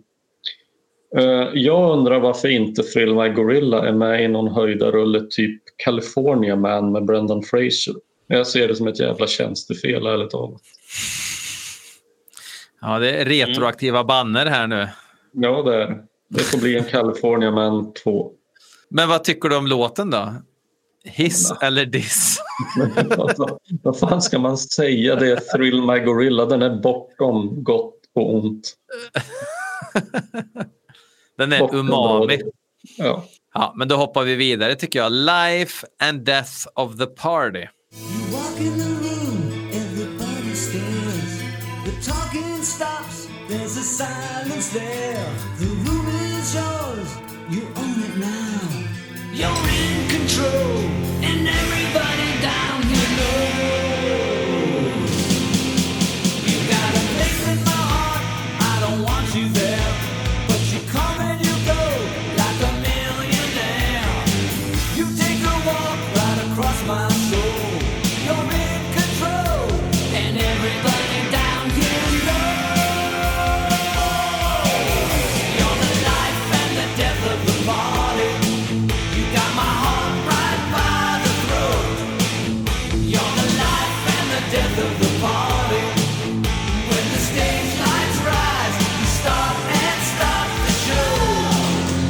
Den gillar jag, för där kommer ju klassiska Alice fram. Det är ju, den är ju lite mörkare, lite mer så dramatisk, i alla till en början. Eh, och titeln är ju genial, såklart. Det är en typisk Alice-titel. Istället för Life of the Party, så Life and Death of the Party. Eh, nej men ja, det, det, är en, det är väl den låten som mest... Det är den låten som känns mest okonstriktor, skulle jag vilja säga. Den hade ju passat på Raise Your Fist och det hade inte någon av de andra låtarna, låtarna gjort eh, i mitt tycke. Eh, så den, eh, den känns väl mest, vad säger jag, True Alice på något sätt på den här plattan tycker jag. Ja, shit vad efterlängtat det där mollackordet är alltså i Life and Death of the Party. Ehm, Kane lyfter ju fram det här som en av de bättre låtarna på skivan också. Och påstår att Alice också tycker det, vilket jag kan förstå om han gör. Eh, ja, här, här, här eh, ökar vi anten lite tycker jag på den här låten också. Jo men alltså det här är ju Mm. faktiskt skitbra på riktigt. Och det, alltså ju pika bra 80-tals hårdrock, det är lite pseudoballadkänsla. Och, men alltså, jag kan knappt, jag, jag, jag kan ingenting om Michael Schenker Group men jag får för mig att låt inte dem lite grann så här ibland. Det kan väl vara en ren fantasi från mitt håll. Jag kan klippa bort när jag tänker efter. Det är ett helvete. Du, du, har aldrig, du, du har aldrig hört Schenker Group men tycker ändå Ja. att det är... Jag har hört en Jag låt som jag minns. Ja. Den lät ungefär så här. Du har någonting att gå på där i alla fall. Okej, ja. Alltså okej då, det är ett jävligt skönt solo i mitten tycker jag. Det är bra refräng. Det är en jävligt bra låt helt enkelt. Eh, Och så undrar jag ju lite grann vad, jag är inte helt på det klara vad den handlar om men det känns ju som att det är ju mer av en riktig historia i den här låten av klassiskt Alice Cooper-snitt än vad det är i sig Thrill My Gorilla. Så bara en referens av många. Eh, Jo, Nej, alltså, det, det känns som att det är någon form av berättelse som framkommer i, i lyriken men eh, det är som att jag undrar var det tänkt att den här låten kanske var en del av fler låtar som hängde ihop eller någonting sånt. Det känns så, men jag, jag, jag tror inte det. Eh, men jag håller med dig. Det, det, det känns som att det är en sån tema som hade kunnat eh, byggas vidare på. Absolut. Och sen så får jag tillbaka, ta tillbaka det jag sa om att det här är den enda låten som hade passat på Razor Fist för eh, eh, The World Needs Guts hade faktiskt passat på Razor Fist också. Jag vill bara få det sagt. Mm. jag glömmer det. Ja. Men då hoppar vi vidare till Simple Disobedience.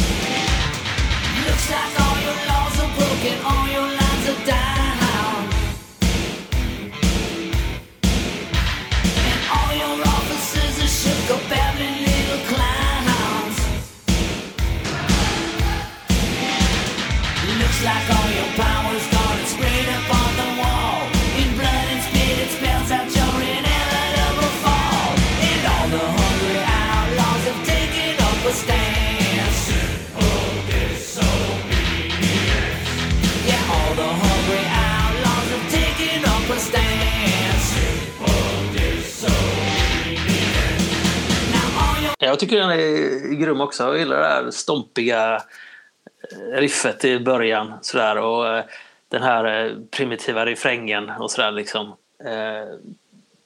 Det känns... Hela den här plattan känns ju som en popcornrysare. Och den här låten, inte minst den här låten, det, det det jag gillar med Constrictor är att den, den känns väldigt tidsenlig men den känns ju samtidigt som en tonsatt skräckis från den här perioden. Och som eh, vi sa innan, det är ju två låtar som är gjorda för filmer. Och eh, den känns... Det känns faktiskt som att man tittar på någon så här skräckfilm från den tiden när man lyssnar på den här plattan och Simple Disobedience inte minst den. Så den eh, på något sätt är kanske kärnan i hela Constrictor-tänket ändå. Liksom. Just få den här my mysskräckkänslan som, eh, som, eh, som eh, ja, omfamnar hela skivan. Men samma sak här. Versen är ju också jättebra och refrängen är inte lika bra. Liksom. Nej, det är väl knappt en refräng egentligen. Nej, nej, knappt. Bam, bam, bam, bam, bam, bam, bam. Men den hänger ju ändå ihop. Alltså jag tycker den är ganska finurligt ihopsnickrad. Att jag tycker inte så att säga att uh, huvudriff, refräng och, och vers... Nej, det- det- det- det lig- lig- Jag håller med. Jag håller med. Refrängen är ju nästan mest en sorts kommentar till allt annat som händer i låten. Liksom. På något vis. Mm. Men, Ehm, men alltså, vad, det här är också en sån här låt som jag faktiskt inte blir klok på. Jag, jag, jag kan texten utan till men jag fattar inte vad det här är tänkt att handla om. Förutom att det får mig att tänka på ett gäng Lucky Luke-album med All the Hungry Outlaws are taking up a stance. Eh, så jag undrar, är det någon som vet? Är, är den baserad på någonting? Är det någon tidigare historia eller film eller någonting sånt där? För det, det låter ju ändå som att alltså, någonstans kommer det här ifrån och det är en del av någon slags berättelse. Men jag, jag fan vet vad alltså. Eh, det kan ju vara till den här filmen de eh, hade planeringsstadiet där. Där Stepan Hughes ska vara med också. Eh, Men jag ska låta det vara osagt. Eh, Det är bara eh, en tanke. Jag vet faktiskt inte. Men jag håller med dig. Du har rätt. Fast här, den här podden är unik på så vis att här blir tankar till sanning ganska lätt. Att vi kan ofta bestämma att saker är sant. Så jag då på det. Och då säger Nej, men, men, men det, är väl, det skulle väl passa alldeles utmärkt om det var... Nu har jag ju läst väldigt lite om den här filmen men att det ja, var, väl liksom, var väl tänkt som någon slags eh, ja, dystopisk historia med den lilla mannen mot den förtryckande staten. Och där skulle väl en sån här, ett sånt här posse kunna passa ganska bra då. Som beskrivs i låten alltså. Mm. Ja, precis. Jag ska, jag ska kolla det nu i realtid. Jag ska ta upp den gamla artikeln och se vad det var som Kane och Alice berättade om den här låten. Nu när vi ändå pratar om det. Men eh, ni kan eh, diskutera vidare så ska jag kolla under tiden. Ja, alltså de här datarullningarna på trummorna som vi pratade om tidigare, de är ju jävligt markanta i den här Mm. låten. Och de vill höras och väsnas. Ja, de, eh, de behöver sitt. men, men i just den här låten så funkar ju ett sånt här sound lite mer. Det är bara det att det ändå inte låter fantastiskt bra. Men, men det är ju inga konstigheter i en sån här statisk marscherande låt och ha en stenhård synttrumma istället för ett akustiskt trumset egentligen. Eh, så här hade de ju kunnat komma undan med det lite mer om det kanske hade varit lite mer finess. Kan man inte Men- höra Rammstein göra en cover på det här? Eller Laibach framförallt. Laibach är ännu bättre. Life. Life is life. Det här varit hårt. De hade fan gjort den bra tror jag till och med. Ja, det tror jag också. Eh, Ja, Carl, hittar du någon, någonting? Nej, jag, nej, jag hittar inte att han nämnde någon utöver Stepan Hugh. Men eh, vi gör det till sanningen då att även Simple Disobedience var skriven till den filmen. Så känns Ja. det. Ja, då eh, ökar vi tempot här lite nu då och pratar om The World Needs Guts.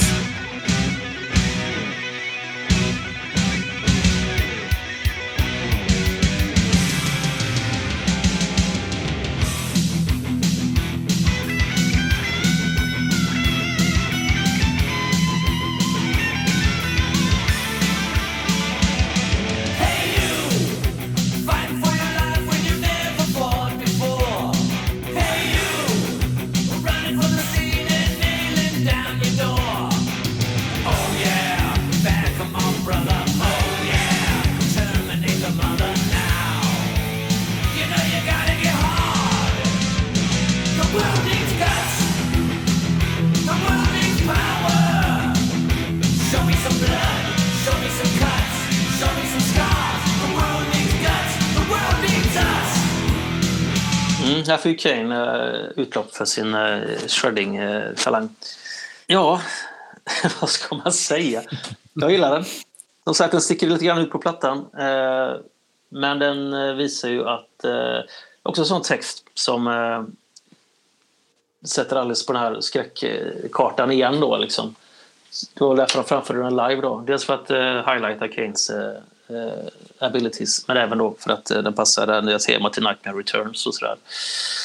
Eh, så det var ju väldigt kul att eh, de luftade nu igen med Nita eh, på shredding-gitarr och så. Mm. Så att, eh, nej men den, jag gillar den. Och här händer det lite, lite extra mycket roligt på gitarrerna också. Det är lite snygga eh, uppgångar med ackorden och så. Alltså det, det händer lite mer helt enkelt. Eh, går ifrån det här lite, ska man säga, standard eh, Hollywood eh, strip, Sunset strip-rockandet tycker jag.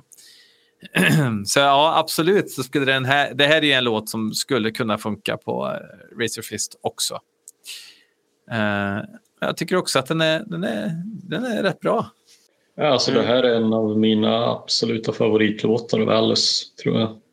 Och som 11-åring så var ju det här en text som fick mig att höja på ögonbrynen för den var ju rätt magstark. Med, ja, jag hade inte hört så mycket av den varan då i alla fall. Maniac Butcher nämns ju också. Om man ska... Det finns ju ett visst tjeckiskt band som jag antar byggde hela sin karriär på den här låten och tog sitt namn därifrån. Det kan vi slå fast. Så är det.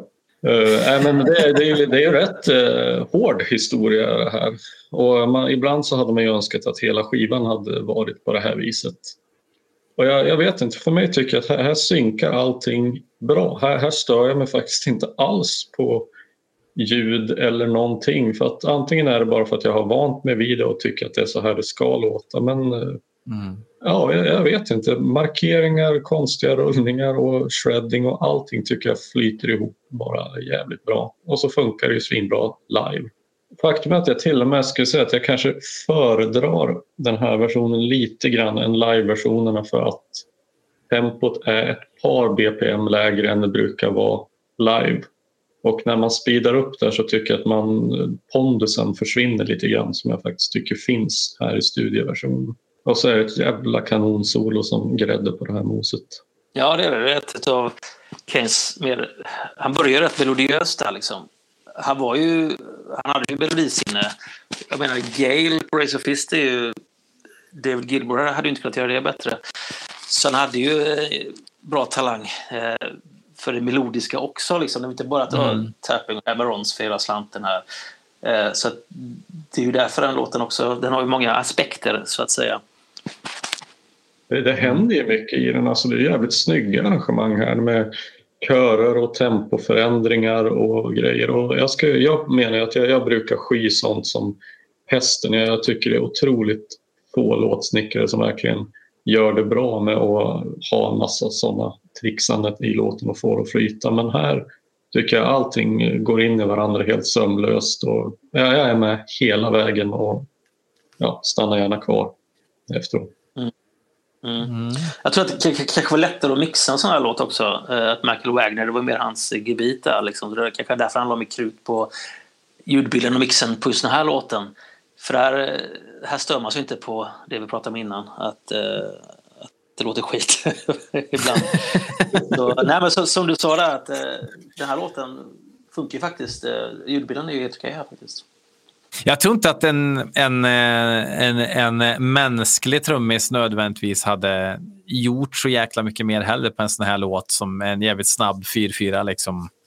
Det finns inte så mycket utrymme att ta ut svängarna heller kanske. Så det är kanske därför det funkar. Jag vet inte exakt. De hade ju David Rosenberg på några låtar. Eh, jag vet inte exakt vilka han är med på. Eh, det var länge sedan jag analyserade trummorna på den här plattan. Men ja. Alltså, alltså frågan är... Jag vet inte fasen alltså. alltså jag, jag, tycker inte att trumsoundet förändras speciellt mycket genom skivan, förutom sista låten då, av förklarliga skäl. Men ja, det skulle väl vara lite grann som så som eh, Esrin höll på på Dada. Men det är väl jävligt skumt det där. Jag, jag tänker på en, en annan sån här skiva som, man, som har stötts och blötts in eternum när det gäller vad som är plast och vad som är riktiga skinn. Eh, Jag tänker på King Diamonds The Eye och Mm. där har det väl egentligen aldrig blivit klarlagt. Alltså är, det, är det delvis eh, riktiga trummor eller är det, är det halvt D-drums, halvt riktiga eller är det trummaskin hela vägen? Det är, trumma, bland- det är trummaskin hela vägen och det kan vi konstatera här nu i Coopers klass. Så nu kan ni gå ut på Wikipedia och ändra. Ja, Jag frågade Det- Snowy om det faktiskt, eh, hur han gjorde The Eye. Okej. Jag kommer inte ihåg vad han sa tyvärr, så att eh, vi kan gå vidare. Jag, jag tror att han är ganska intresserad av att folk inte ska tänka att det är trummaskin faktiskt. Eh, och så spelar han mycket bättre än trummaskinen gör på Eye också, så att det är till hans fördel ändå skulle jag säga. Ehm, nu kommer vi till uh, Trickbag.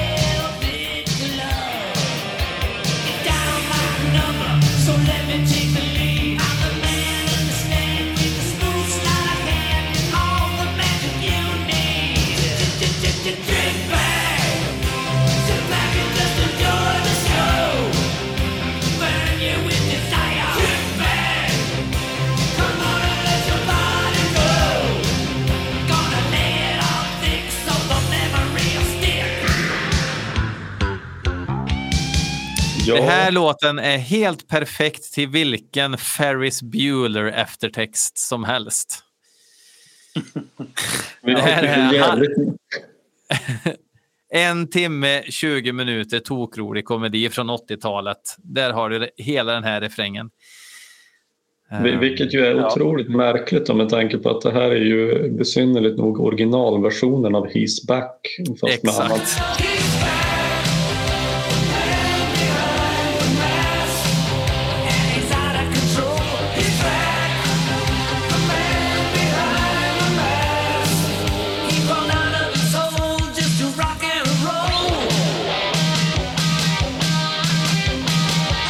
Ja, det fick man höra i den här Life in Crumbs Alice Cooper-boxen första gången. Och det var en sån mindfuck. Eh, att höra His Back-texten till den här eh, musiken. Rakt Men det är av. ju- Det är, det är några små förändringar i texten bara. Ju. Eh, Minimala. Ja. He crawled out of his hole just to rock and roll. Fick inte, fick inte komma med på slutet. Just det. Ja, Jag förstår. Eh, nej, men exakt. Nej, men som jag var inne på innan, så här, just eh, hela plattan är en sån popcornrysare. Och där kan man väl innefatta även filmer som Ferris Bueller. Liksom. Den är väldigt så 80-talsfilmisk, hela den här plattan. Och då inte minst Trickbag, så jag håller med. Den är eh, också en sån låt som är typisk Constrictor, så kan man säga. Det är lite get out of my dreams, get into my car-vibbar på de där syntarna i refrängen. Och... Men, men, men eh, det är ju ganska intressant för det här är ju som sagt eh, egentligen den första versionen av He's Back. Alltså demo-versionen. Och hade det blivit den så undrar jag hur hade jag kommit i kontakt med Alice Cooper då? För det hade ju inte varit, den där hade ju inte gått på trackslistan. Liksom. Nej. Det förändrar ju allt faktiskt. Vilken jävla grej. Ja, jag- Men, Nej, men jag tror att det var filmbolaget som sa att eh, det där får ni göra om. Det kan vara fel, men det, allting här blir sanningen då, så jag säger att det var så. Då. Ja, Eh, så att det var nog de, de som kände att det här är inte riktigt vad vi var ute efter. Så här. Och då gjorde de om eh, musiken till den hitsback eh, vi känner. Så det, jag tror att det är de som vi ska tacka för det. ja, det är jag tänker alltså på själva filmen Jason Lives. Så nu är det ju jättesvårt att säga. Jag har ingen aning om om låten skrevs innan de såg filmen eller hur det var. Men just del 6 i Fredag den 13 serien är ju den som är mest pajig. Det är då de börjar bli lite självmedvetna och ska driva med sig själv. Jag har ju till och med det här introt där som är en James Bond-pastisch i, början. Eh, så att jag undrar om det fanns något medvetet redan där då. Så jag är otroligt glad om filmbolaget sa det här glömmer ni. Gör om, gör rätt. Men, men jag, kan först, jag, jag kan ändå förstå så att säga, idén med att, sam, alltså att samföra en, den här Trick back, He's back med en ganska pajig halvskräckkomedi som Jason Lives ändå är jämfört med de andra. Mm. Sen har vi även, eh, innan vi glömmer, Hard Rock Summer i med den filmen som också kom med i Life and Crumbs-boxen första gången. Som eh, också det, har den här samma känsla som hela Constrictor-plattan har. Sen hade du inte gjort bort sig på den här skivan om den hade kommit med. Ja, jag fattar inte alls varför den inte är med. Jag tycker den är svinbra. Alltså, jag menar, vi brukar ju säga såklart, i den här podden brukar vi säga att det är väl ytterst få skivor som vi önskar skulle vara längre än vad de egentligen än vad de är. Men eh, nog fan hade de väl kunnat dra, dra med den också.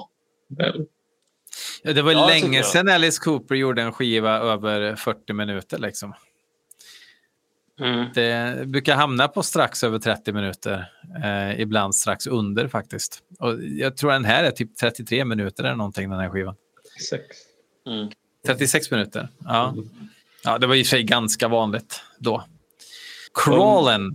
App, app, app, app, app. Jag Ja, tycker inte ja. vi är riktigt klara med Nej, okej. Trickbag. okej, okej, nej. Den kan man Eh. prata om hur länge som helst faktiskt. Vi kan ha en egen podd om Trickbag. Serie. Ja, det, ja exakt. Eh, eh, jag vet att Matilda Almgren som varit med här i podden tidigare, hon hade också reagerat över att refrängen får en att tänka på Piff och Puff, räddningsaktionen. Och jag undrar om det är Ja. fler än vi. Här kommer. Piff och Puff. Eller... Du, du, du. Det är ganska vanliga, liksom, det är ett ganska vanligt riff. Vilken kom först då? Den här, det säger vi. Piff och Puff snodde Okej. allt från Trickbag. Piff och Puff, Nej, det, men, alltså, det skulle kunna vara tidigt 90-tal. Jag håller alltså. med. Ja, nej, men jag håller med att det är på med det. Men samtidigt är det inte fel med det. För jag menar, Tobias Forge snodde ju eh, Asterix-motivet till eh, Satan's Prayer på första Ghost-plattan.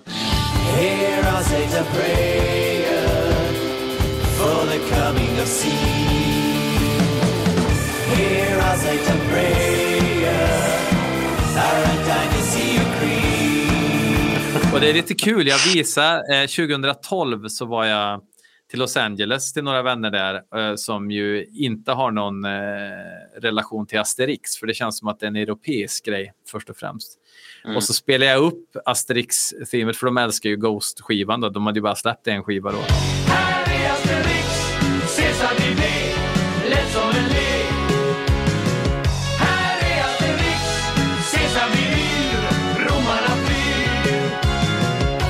Och eh, de skrattar rakt ut. Liksom. Ja, men det är ju det här. Liksom.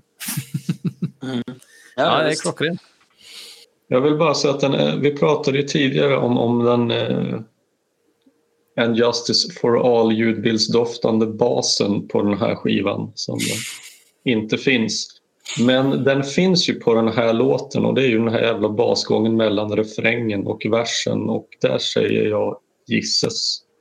Bom, bom, bom, bom, bom, bom, bom, bom. Och så brakar det lös igen. Och sen vill jag även slå ett slag för låtraden I'm in the mood for my leather boots with the leopard spots. Det är Percy Shelley-poesi i min bok. För mig. Kanske det Ja. blir en tatuering eventuellt, vem vet? Gud. Åh, Ja. jag blir alldeles varm. Känner du dig klar med Trickbag nu? Eller Aldrig, men vi får väl gå vidare bara för tidens skull. Crawlen? Också en sån typisk 80-talsdänga, eller 86-dänga eh, närmare bestämt. Eh, på sätt och vis är det ju liksom ett eh, mellanspår. Den är ju inte många som pratar om crawling idag kanske. Men, eh, nej, men jag, jag gillar den. speciella speciell känsla. Också så här mycket pop, popmetal som Give It Up. Eh, den här är ju kanske ännu mer poppig än Give It Up, eh, tycker jag. Men jag tycker att det är ju, det är stört skönt. Va? Jag gillar den.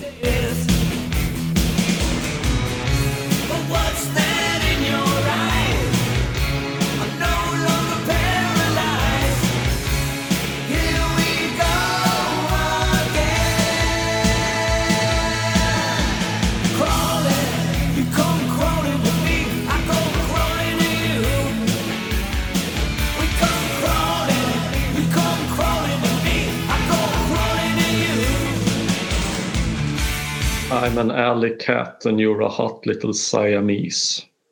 Jösses. Alltså man håller ju för glatta livet i skämskudden men man behöver ju aldrig riktigt bara ansiktet i den även om det hettar i kinderna mer än en gång innan låten klingar ut på slutackordet. Ja, det är skitbra tycker jag. Mm. Jag är glad för er. Uh, ja, nej, det, det här... Det, det säger jag hör den och jag hör den om och om igen. Senaste veckan kanske jag har hört den tio gånger. Men den, den limmar inte på mig liksom bara. Det här, det här eh, blir lite skvaligt för mig av någon anledning. Oklart med tanke på att jag kan nynna på alla låtar eh, hittills. Men Crawlin, den fastnar inte. Den, sån, en sån låt för mig. Men det är likadant där som inne på att bryggan är ju mycket, mycket bättre än refrängen. Även om det finns en riktig refräng här så är det mm. bryggan som är det bästa i låten. Eh, så, det, så det är ett väldigt tydligt exempel på det. Eh, vilket är konstigt nog. Eh, att man inte lägger mer... Ja, det brukar som sagt vara refrängen som höjer låten. Här är det bryggan. Men var, var, det liksom runt den här tiden som man bestämde att refrängerna, den, de sjunger publiken mycket med i och då ska det vara enkelt som fan och att, att det fanns någon sorts eh, pseudovetenskap kring hur en riktig hit skulle göras. Liksom, eftersom det är så symptomatiskt för så många band runt den här perioden.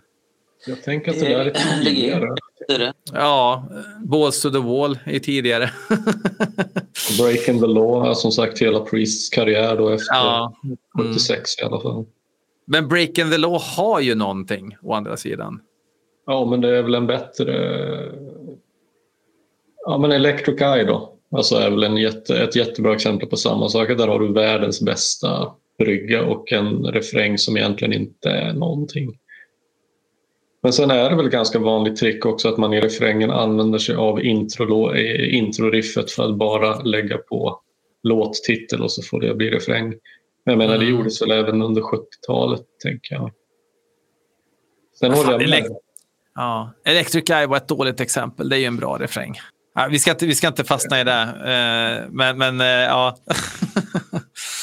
ja det, det, det, är ju någonstans så här att jag, jag eh, som jag sa i början, att det här är ju det så många tänker på när de tänker Alice Cooper. Crawling? Jag, inte crawling, men hela det här sättet att skriva musik på.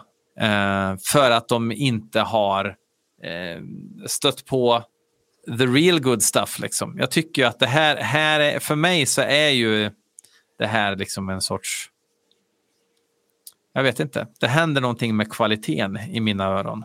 Helt klart. Jag ska inte reta upp er mer nu, utan vi, vi, går, vi, går, eh, vi går vidare kanske. Uh, the Great American Success Story.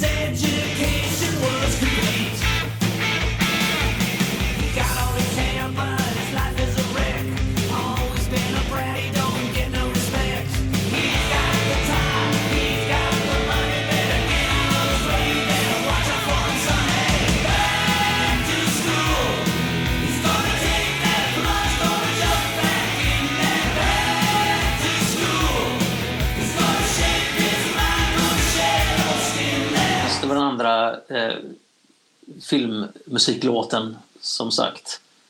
Eh, den här Rodney Dangerfield-komedin eh, Back to School. Och därför han sjunger Back to School hela tiden. Eh, för den heter väl Back to School-filmen, tror jag. Ja, precis. Jag vet inte, jag vet inte, jag vet, så det kanske var därför de döpte om den, då, för att det inte skulle ha någonting med, med eh, filmen att göra längre. När de, när de la den på plattan, kan jag tänka mig. Great American Success Story. Eh, nej, men det är som sagt innan, det jag upprepar bara mig själv, men det är ju så här, ja, väldigt så, 86 komedi slash skräckfilm. Hela den här plattan igenom. Det är en bra platta att käka popcorn till och eh, tänka tillbaks på hur, eh, ja, om Ferris Bueller skulle lyckas skolka eller inte. Och sådär. Eh, så att, eh, men alltså, det är ingen mästerverk någon av de här låtarna. De har ju bra melodier, de har bra hooks. Eh, inte minst eh, den här Back to School-refrängen. Så. Eh, här skulle jag vilja säga att eh, refrängen är det man minns mer än, än verserna i alla fall. Men det, alltså, det, ja, Absolut. jag säga, det, är en mys, det, det är en myslåt precis som resten av låtarna på plattan. Det är en, det är en mysig platta fast det, den är ju liksom inte... Det är ingen som man skulle skicka upp i en eh, kapsel med NASA för att eh, bevaras till eftervärlden om man säger så. Eh, man får ta den här låten och hela skivan för vad det är helt enkelt, eh, tycker jag. Mm. Ja, ja, ja, jag har inte så mycket att tillägga heller på den här låten. Um, det, det, det, men det, det är ju exakt det du säger. Alltså att för vad det är, för när det är, vad, vad, vad man eh, försökte liksom um, närma sig musikaliskt, i, i vilken kontext och, och, och så där. Och då är det ju vad det är. Liksom. Eh, och det är väl både fördelen och nackdelen med att vara den artist som Alice Cooper är. Vi har ju pratat ganska mycket om att han har ju varit en mästare på att ömsa skinn, no pun intended, eh, men ändå ha kvar Alice Cooper i den här nya kostymen. I, liksom, från start till slut någonstans. Och det är, då uppskattar man inte det, det skinnet man kommer i kontakt med först så kanske man missar allt det andra. Liksom. Och det här är ju vissa... Jag vet ju att folk älskar den här skivan. Liksom. Eh, och jag är mest nostalgisk. Liksom, och eh, när jag lägger den under lupp då blir det inte riktigt samma, samma sak. Nostalgin är större. Liksom. Ja, precis. Och det hör till att den här plattan är kanske den, mest, eh, den som låter mest daterad utav alla han har gjort också. Så det blir det, det går ju inte att inte slungas tillbaka till 1986 när man hör Nej. Constrictor. Eh, det, det är omöjligt. Man måste nästan göra det för att lyssna på den, skulle jag säga. På många Mm. sätt. Jo, verkligen. Det är därför jag sitter, har suttit hela avsnittet och druckit Vira blåtira i en och en halv liter. Och det- jag börjar må ganska jävla illa ärligt talat. Det är väl högst 40 till 50 sockerbitar du har sugit i dig nu då? Det här är, tror det eller ej, den sockerfria varianten. Oh shit, är det Det är- blåtira zero? Exakt. Det trodde man inte fanns. Nej, det tror Och sannolikt gör det inte det heller, lär väl vara socker i alla fall. Eh, men jag vill ändå säga en, en liten grej med Great American Success Story. Jag, jag tycker det är faktiskt en jävligt bra låt, men även textmässigt så är det, tror jag faktiskt den enda gången på den här skivan som man ser lite mer av den gamla underfyndiga Alice för att den här texten har en, en ganska bra blandning av glättighet och cynism i sig.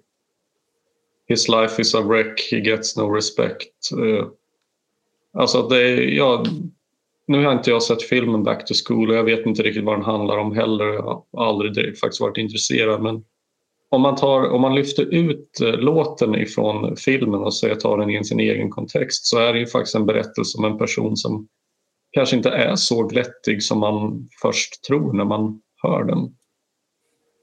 Eh, så det tycker jag är ett ganska välkommet, en välkommen tillbakagång. Mm. Sen försöker man väl, eh, vad är det, dreaming about his teacher in his literary, literary class, staring at her legs and but is dreaming about her face, för det gick inte att rimma ass. Men okej, det, det får väl gå. Nej, men jag vet inte, jag tycker den är bra som, som ni sa, eh, allting flyter ihop. Det är bra refräng, jag tycker det är bra brygga och allting, men ja, det, är ju inget mästerverk heller. Jag tror inte den hade, om den hade varit singel hade den inte sålt som smör. direkt. Men det gjorde ju väl eh, nästa, eh, i alla fall i vissa delar av världen. Eh, låten vi har pratat mest om innan vi ens har börjat prata om den. He's back, the man behind the mask. Um, det, alltså, det här är väl, tycker jag, ett exempel på en liksom objektivt bra poplåt.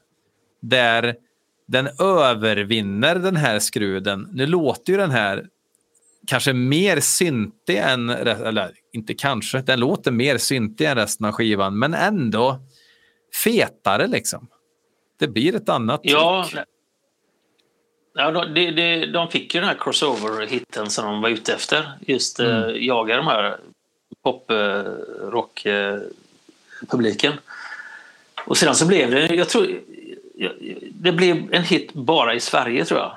Mm. Eh, Det är därför han tidigt... eh, Kane fick aldrig spela den eh, live, men eh, Alice började spela den under Trash-turnén just i Sverige. Och ingen vet varför den blev en hit. Jag tror det kom till plats fyra på singellistan i Sverige, men inte någon annanstans. Ingen vet varför det blev en hit just i Sverige. Det ska bli mitt nästa projekt att forska i vem det var som lyfte fram den eh, till att bli så stor just här. Det är faktiskt jättekonstigt.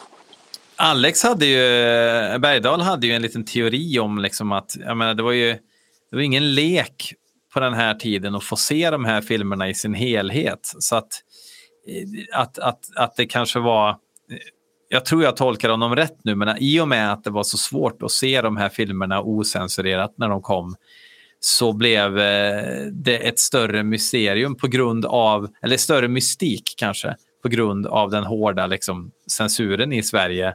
Så att saker som relaterade runt till exempel då eh, eh Fredag den 13 filmerna så blev stort. Det fick skjuts, stor skjuts av det liksom. Mm. Kanske. Men också, också, jag tror att det är så enkelt att, eh, att Okej då, Anders Tegnare gav eh, så stort utrymme för Alice 1986. Mm. Och eh, jag menar, att det var ju liksom det enda pop, popkulturella organet som fanns på den tiden. Mm. Och syntes man då i Okej på två uppslag eh, så gick man ju och köpte hans senaste singel som då var His Back. Så att jag tror att, eh, jag menar, Hans Hattvi då, han har det var han som breakade Kiss i Sverige på 70-talet med poster och sådär. Jag tror att, eh, jag tror att eh, det eh, gjorde mycket också. Mm. Men låten i sig då? Ja, men bara, jag bara tänkte att eh, ja, jag har funderat på det Alex sa och det som nyss sa. Men det är ju ändå bara i Sverige det här blir en hit. Men jag menar situationen med, med skräckfilm och så här, den var ju likadan i Norge. Ja. Eh, Och där censuren till och med kunde vara ännu hårdare än i Sverige. Men å andra sidan vet ju, jag vet heller inte om det var så att skivbolagen eh, helt enkelt satsade olika i olika länder eller om det var en grej för den skandinaviska marknaden. Eller, eller så. Men är det, alltså, om jag tänker så här att okej, vi ska lyfta några låtar eller någon låt ifrån eh, Constrictor eh, live. Och, och då inte, alltså, finns det människor i världen som inte tycker att His Back är en av de starkare låtarna på Constrictor? Existerar de människorna?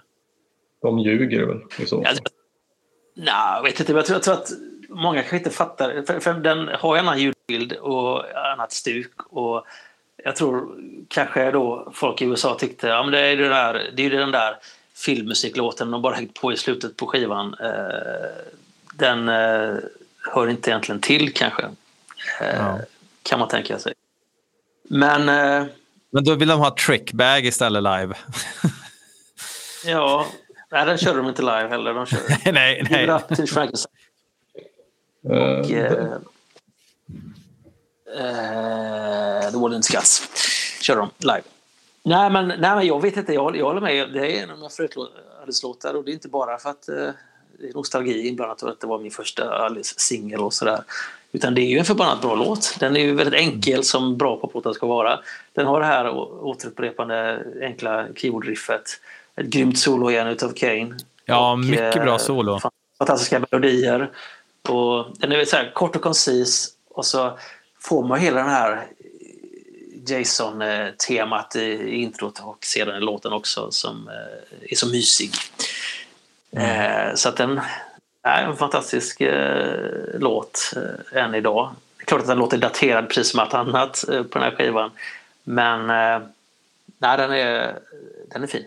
Den, Kan vi, kan vi här en gång för alla också Enligt officiella böcker och alla, eh, enligt officiella källor och i alla böcker jag har läst om fredagen den 13 och intervjuer jag har lyssnat på och så, här, så påstås det att det här väsande ljudet man hör i filmerna och i början av den här låten att det skulle vara ki ki ki ma ma ma. Det, han säger inte det, det är väl för fan chin chin chin ha ha ha. Ja. Tack. Alltså vadå, är det flera som skriver King, King, King, ma, ma, ma? Alltså, Är det flera enligt- som skriver? Enligt han som, det var ju tydligen bara någonting som slängdes ihop på en minut. Att det ju, man har ju tyvärr glömt namnet på han som gjorde så att säga filmmusiken, eller musiken till filmerna. Men att han hade väl någon form av röstförvrängarapparat som han lekte med och så sa han det skulle vara kill, kill, kill, ma, ma, ma. I och med att det är mamman som är mördaren i första filmen. Mm, mm. Och så förvrängdes det lite grann. Men eh, ja, den officiella versionen lyder att det ska vara ki, ki, ki, ma, ma, ma. Men det, det, herregud, det är inte det. Nej, nej, det är det inte. Ja, men jag ville bara ha sagt. Okej. Mm. Skönt att för- äntligen få ja, ventilera det efter så många år känner jag. Det var... För jag trodde att det var... Jag har hört att det var, att det var J, J, alltså J som i Jason och sen eh, Ma, Ma, Ma. Eh, men vissa tror att det ska vara J, J, J, och sen Kiki som Kiki Men jag kanske blandat ihop allt det där. Du verkar mer påläst eh, än mig.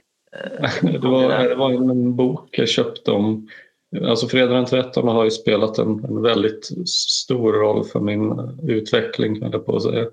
Men det var någon, det var någon bok eh, om, om filmserien som jag köpte 2005 eller 2006 och grejen var att jag faktiskt när, när jag såg det här i skrift så fattade jag faktiskt inte vad det var som, an, som anspelades på. De kallade det the classic ki-ki-ki ma-ma-ma riff.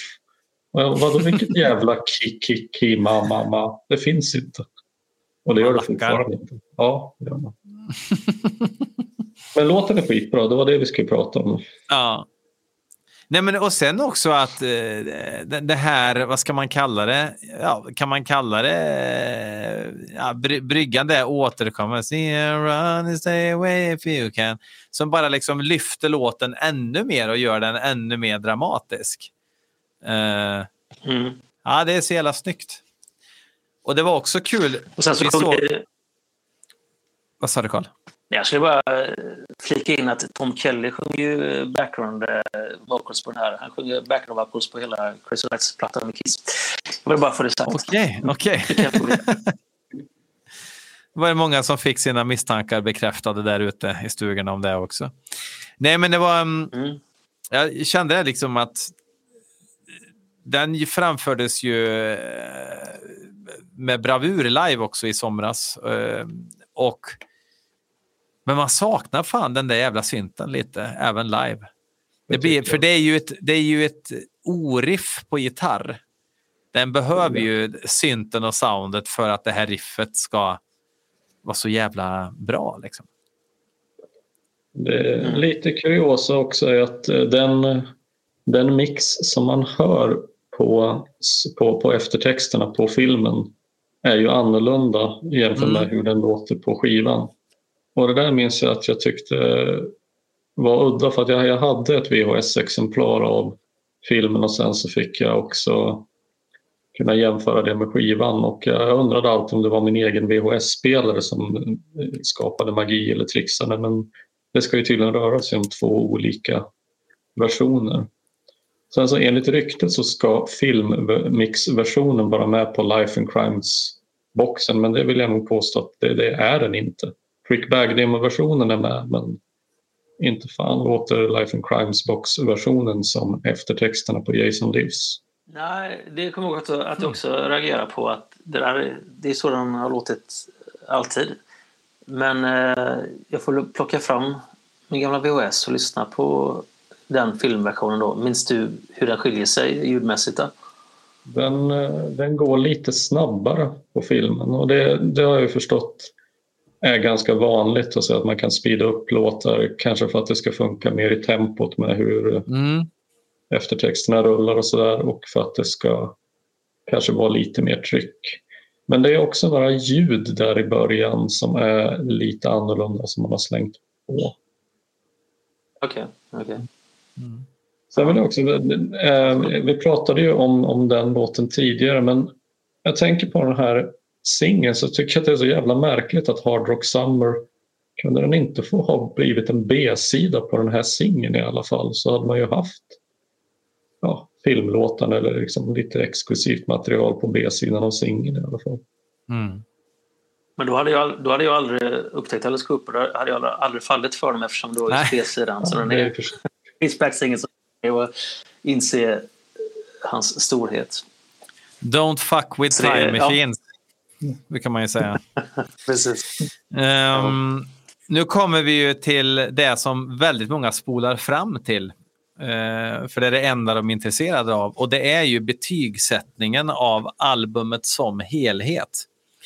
Och vi brukar ju tänka ur en Alice Cooper-kontext då. Ehm, Mm. Kanske inte som random rockskiva. Eh, och vi brukar säga från 1 till 5. Vi har blivit mer och mer generösa. Eh, och 0,5 nivåer är också okej. Så ja, Ja, ja, för mig är det, är det ju såklart att det är en eh, svag trea. noll- eh, 2,5 alltså. Nej, 3,0. Inte, inte, inte 3 och en halv, utan det är en trea rätt och slätt. Ja. Så. Mm. Eh, för, eh, nej, men alltså det... Jag kanske... Hur många plattor har han släppt? 30 snart, eller vad det är? Ja, snart blir det väl... som på plats. Mm. Mm. Då håller jag den här på plats 20 kanske. Eh, det är ingen dålig platta alls, men det är ingen platta jag återkommer till eh, vidare ofta. Och det är ingen platta jag tycker är eh, ja, rätt och slätt bra, typ som jag tycker att Razor Fist är. Jag tycker det är en bra platta. Den här har som sagt, är inget fel på, det är bara produktionen som suger och att eh, den är inte så fokuserad som eh, den borde ha varit. Den är rätt spretig. Men den är som sagt var inte dålig. Den är charmig som få. Så att eh, ja, en, en trea är den ju absolut värd tycker jag. Hayden. Ja, fy fan, men det, Eh, men det är ju som jag tänker, jag, jag håller ju med om allt det Carl säger men jag vill bara inte riktigt erkänna det tror jag. Eh, men det är så, jag tänker Björn som du sa i början också, att det är, så, det är ju svårt när man har så jävla mycket nostalgi till en skiva som, som sätter sin färg på omdömet. Men det är som, när, jag lyssnar på den här i nykter tillstånd, höll jag på att säga, eller 30 år efter att jag upptäckte den först, så är den både bättre och sämre på samma gång än vad jag förmodligen tyckte då. Eh, för att jag, nu när jag lyssnade igenom några gånger till bara, bara för kvällen så märker jag att jag blir ändå på bra humör av den och jag tycker att det är snyggt arrangerade låtar och det är bra hooks och sådär. Fast ingen har gråtit med trickbag i bakgrunden å andra sidan. Så att det... Eh, Nej, det har man väl i och för sig inte. Nej, jätte, fan, skitsvår att bedöma men det, alltså den hamnar så här någonstans mellan 6 och 7 av 10. Så, men någon slags 3,5 då men med väldigt mycket nostalgi. Eh, jag, jag stör mig nog inte lika mycket på ljudbilden som, eh, som Carl gör. Men det kan ju ha att göra med att jag, jag är bara så van att så här ska det låta. Och hade jag hört den med en annan ljudbild hade jag nog... Jag vet inte riktigt hur jag reagerat. Och några av de här låtarna tycker jag faktiskt... World Needs Guts tycker jag låter bättre på skivan än vad jag tycker ni gör live. Så ja, men jag håller där. 7 av 10, 3,5. Det, du resonerar som jag gör på Dada, resonerar du på den här skivan. Det tycker jag är intressant. Jag vet inte om du har tänkt på det. Nej, men det låter väldigt bekant. Alltså, nostalgi gör ju sitt alltså. Ja, och inte bara det, just det där att du låter den låta som den gör och irriterar dig inte på det. i samma resonemang som jag har runt den skivan. Liksom. Att jag vill inte att den ska låta på ett annat sätt. Ehm, ja, alltså grejen är att jag, jag tänker ju också en, en, en, en mycket svag trea. Liksom. Alltså tangerar 2,5 och jag sätter nog 2,5 just för att Karl satte 3 som uppenbarligen gillar den mer än mig. Det vore jättekonstigt då om jag satte 3 också som gillar den mindre. Men Så att, ja. eh, Carl- Carl i Sweden Rock 2013 så gav du den här 5 av 10 så det var väl ett, då tycker du den är lite bättre än. Ska du hålla dig emot mig nu? Okej, jag kommer... uh, all right. Men uh, all right. Då, då, då, får, okej. då får du ge den två då, om jag ska ge den 2,5. nej, nej, men det är en 2,5 för mig faktiskt. Det, det, det, det finns ju verkligen eh, russin i den här kakan. Jag tycker verkligen det. Men det, det är lite för mycket tigerkaka från Lidl för att jag ska kunna liksom omfamna den helt. Så är det. Sen uh, retuscheringen på omslaget får vi ge 6 av 5 tycker jag. Det är snyggt. Vi har bestämt det här. Ja, det gör vi. Ja, men eh, då var tyvärr eh, dagens eh, lektion över. Eh, alltså, eh, vi kan ju inte tacka dig nog, Karl, för att du tog dig tid för att sitta med. Alltså, det fanns ju ingen lämpligare att vara med i det här avsnittet än du idag. Kanske de som gillar plattan mer men, och har hört den mer än vad jag har gjort. Men eh, ja. ja, det var kul att få vara med. Det var kul. Herregud, man kan prata alldeles grupper i tid och otid. Eh, Men eh, ja, det är en ära att få vara med. det var verkligen otroligt jävla roligt och stort jävla tack för att du var med. Det är otroligt kul. säger. Vi är ju pepp nu på att läsa ditt eh, reportage, säger man ju inte. Eh, din artikel om eh, Constrictor här nu i nästa Sweden Rock den 25 sa du va? Oktober. Ja, ja precis. Gre- Grejen är att jag gjorde den här intervjun för rätt länge, många år sedan. Alltså, det är jag har intervjuat Alice-gubbarna så många gånger så att vi har ju grejer på lager som inte har kommit ut än. Och det här var en sån artikel som först nu då blir lämplig att publiceras. Kanske eftersom Kane är tillbaka eh, med Alice. Eh, så att jag hade själv inte läst den intervjun sen jag lämnade in den för fyra, fem år sedan. Och eh, om, om jag får lite styv i korken så får jag säga att jag blev faktiskt eh, glatt imponerad över hur intressant och bra eh, intervju det var med Kane. Inte, inte på grund av mig, men på grund av Kane såklart. Eh, så att den är faktiskt väldigt läsvärd och han minns ju väldigt mycket detaljer och roliga grejer eh, och eh, berättar om tillkomsten av de här låtarna och eh, sin tid med Alice på ett sätt eh, som inte jag har hört honom prata om innan.